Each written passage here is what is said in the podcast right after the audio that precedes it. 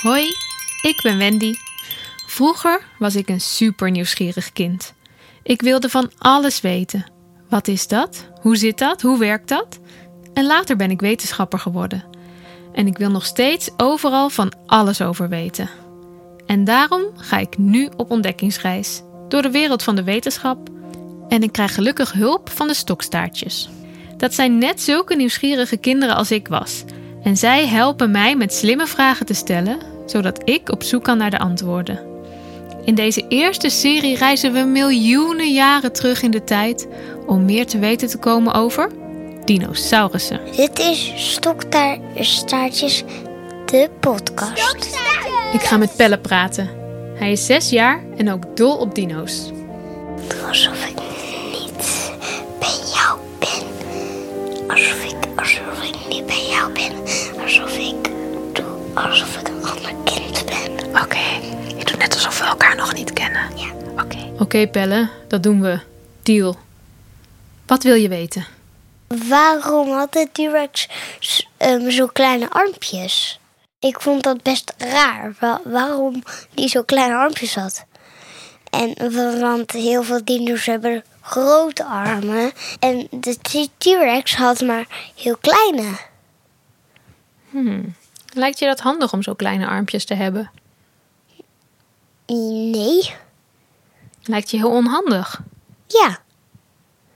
Want dan kan je niet zo goed dingen vastpakken. En zeven proberen of we er zelf achter kunnen komen. En als je wil kun je ook meedoen. Pelle houdt zijn elleboog dicht tegen zijn lijf, zodat zijn armen net zo kort zijn als die van een Tyrannosaurus rex. En zo probeert hij een boterham met pindakaas te eten. Lukt niet. Nou, probeer eens nog beter. Je mag je lijf wel bewegen. Je mag ook wel op, hoger op je knieën gaan zitten bijvoorbeeld. Misschien kan je er dan bij.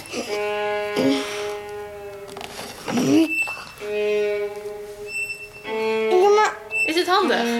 Nou, nee. Nee. Dan, Ja.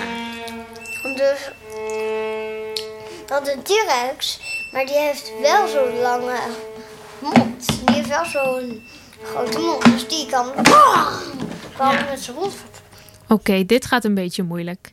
Eén ding weten we zeker. De T-Rex had niet van die kleine armpjes omdat het zo handig was.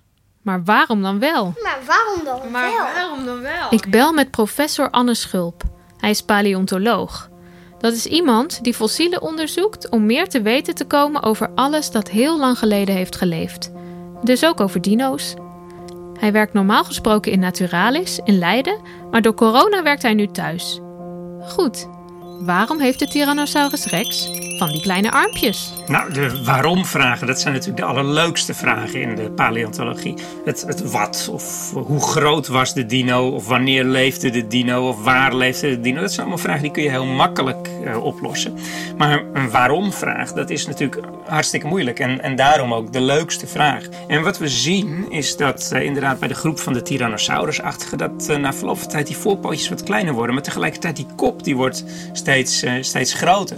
Ja, dan moet je je afvragen, zijn er misschien meer dieren die eigenlijk ook niet zo heel veel met hun voorpoten doen? Nou, bijvoorbeeld eh, sommige vogels, de struisvogels bijvoorbeeld, die, eh, die lopen op hun achterpoten en ze doen alles met hun bek. Dus het is niet zo dat je per se voorpoten nodig hebt. En, zo'n T-Rex die moest een beetje in balans blijven. Dus het, het lijkt er een beetje op, die kop die werd steeds groter met steeds krachtige kaakspieren. Met die voorpootjes hoefde er niet zoveel te doen. En om dan toch een beetje in balans te blijven met die grote staart die de andere kant op steekt, blijft eh, ja, kukelt hij niet eh, voorover. En die voorpoten die hoeven, dan, eh, die hoeven dan niet meer zo heel groot te zijn. Daar deed hij kennelijk niet zoveel mee mee. Oh, dus die armpjes waren zo klein omdat hij anders voorover zou kukelen. Toen zijn kop steeds groter en zwaarder werd, werden zijn voorpootjes steeds kleiner. Die voorpootjes die had hij eigenlijk niet eens echt nodig. Maar hoe kom je daar als onderzoeker eigenlijk achter?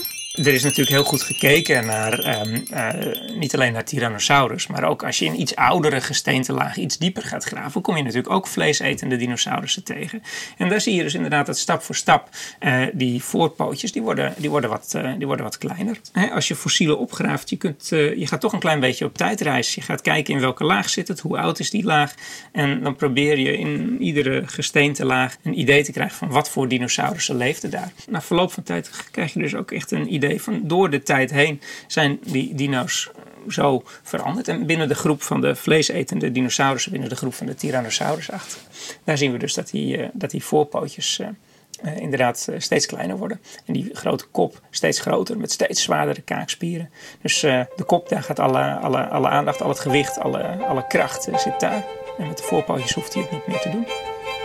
Oké, dus een Tyrannosaurus gebruikte vooral zijn grote bek om zijn prooi te vangen. Maar wie is die prooi dan eigenlijk? Je kunt veel plaatjes vinden van Tyrannosaurussen die in gevecht zijn met een andere dino, de Triceratops. Ken je die? Het is een gigantische dino die op vier poten loopt en drie horens op zijn hoofd heeft. En achter die horens heeft hij een grote kam. Pelle wil over deze dino ook iets weten. Waarom had de Triceratops horens?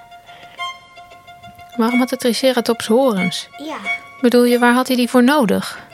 Ja, waar, die, ja, waar had hij die eigenlijk voor nodig? Heb je een idee waar ze die voor nodig hebben misschien? Nee.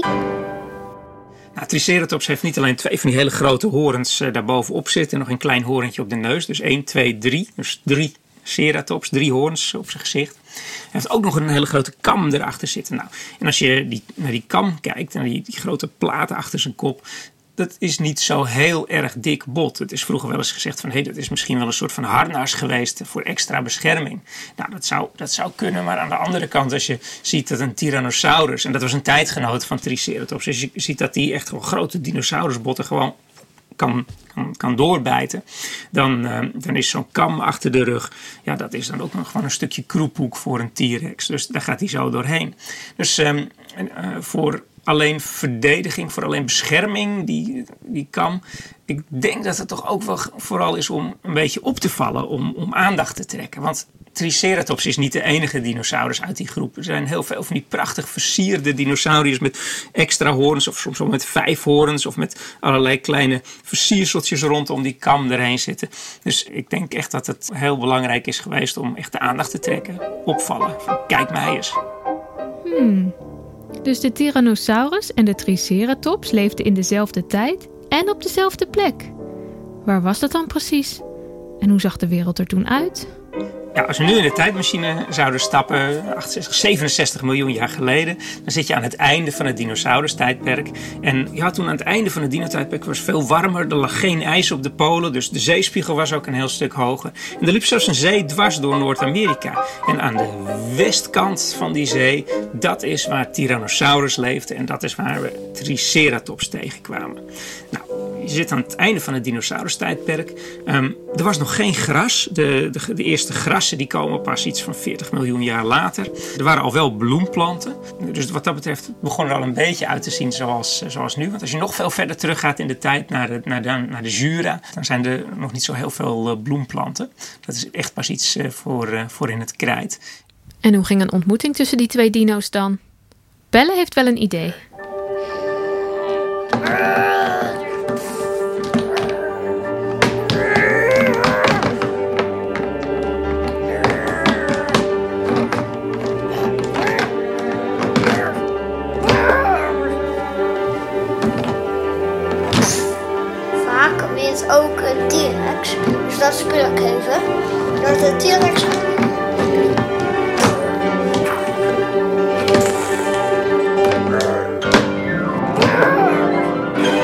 zou, dat, uh, hoe zou dat gegaan zijn als een Tyrannosaurus een Triceratops uh, Ik denk dat de Triceratops wel, uh, wel natuurlijk goed, goed opletten. En ja, je probeert natuurlijk altijd uit de buurt van, die, van de grote vleeseters te blijven. Maar ja, soms heb je pech. En ik denk, ik denk zeker de wat kleinere of de wat zwakkere Triceratopsen, dat die wel eens pech hadden. En, en dan inderdaad door, door T-Rex aangevallen. Ja, hoe gaat dat in zijn werk? Daar kun je ongelooflijk veel plaatjes van vinden. Een heel populair plaatje als je Triceratops en T-Rex invult. Dat is echt een klassieke knokpartij tussen twee grote dinosaurussen. Ja, hoe gaat dat? T-Rex valt natuurlijk aan met zijn, met zijn hele grote bek. En dan zal hij zeker gebeten hebben op een plek waar hij zo'n Triceratops natuurlijk zo snel mogelijk dood krijgt. Nou, heel veel meer pech dan een T-Rex tegenkomen kun je volgens mij niet hebben. En Pelle is dan ook blij dat je ze niet meer in het echt tegenkomt. Die, die leefde pas heel, heel, heel lang geleden. Toen wij nog lang niet bestonden. En nu niet meer? Nee, nu bestaan ze niet meer. Wat is er dan gebeurd? Ze sterft uit door een meteoriet. Niemand vindt dat jammer. Waarom niet? Nou, ze zijn heel gevaarlijk. Dus, als, dus eh, heel veel mensen zijn blij dat ze niet meer leven. De T-Rex had wel een gigantisch grote bek, maar dat betekent nog niet dat hij ook heel hard brulde. Veel mensen denken dat deze dino zijn grote bek opentrok en dan zo'n geluid maakte. Maar volgens wetenschappers is het helemaal niet logisch dat een Tyrannosaurus heel hard brulde. Krokodillen brullen bijvoorbeeld ook helemaal niet. Niemand weet precies hoe een T-Rex wel klonk, maar sommige wetenschappers denken dat het misschien een heel diep trillend geluid was. Het geluid dat je nu gaat horen kun je het best met een koptelefoon luisteren. Misschien klonk een T-Rex wel zo.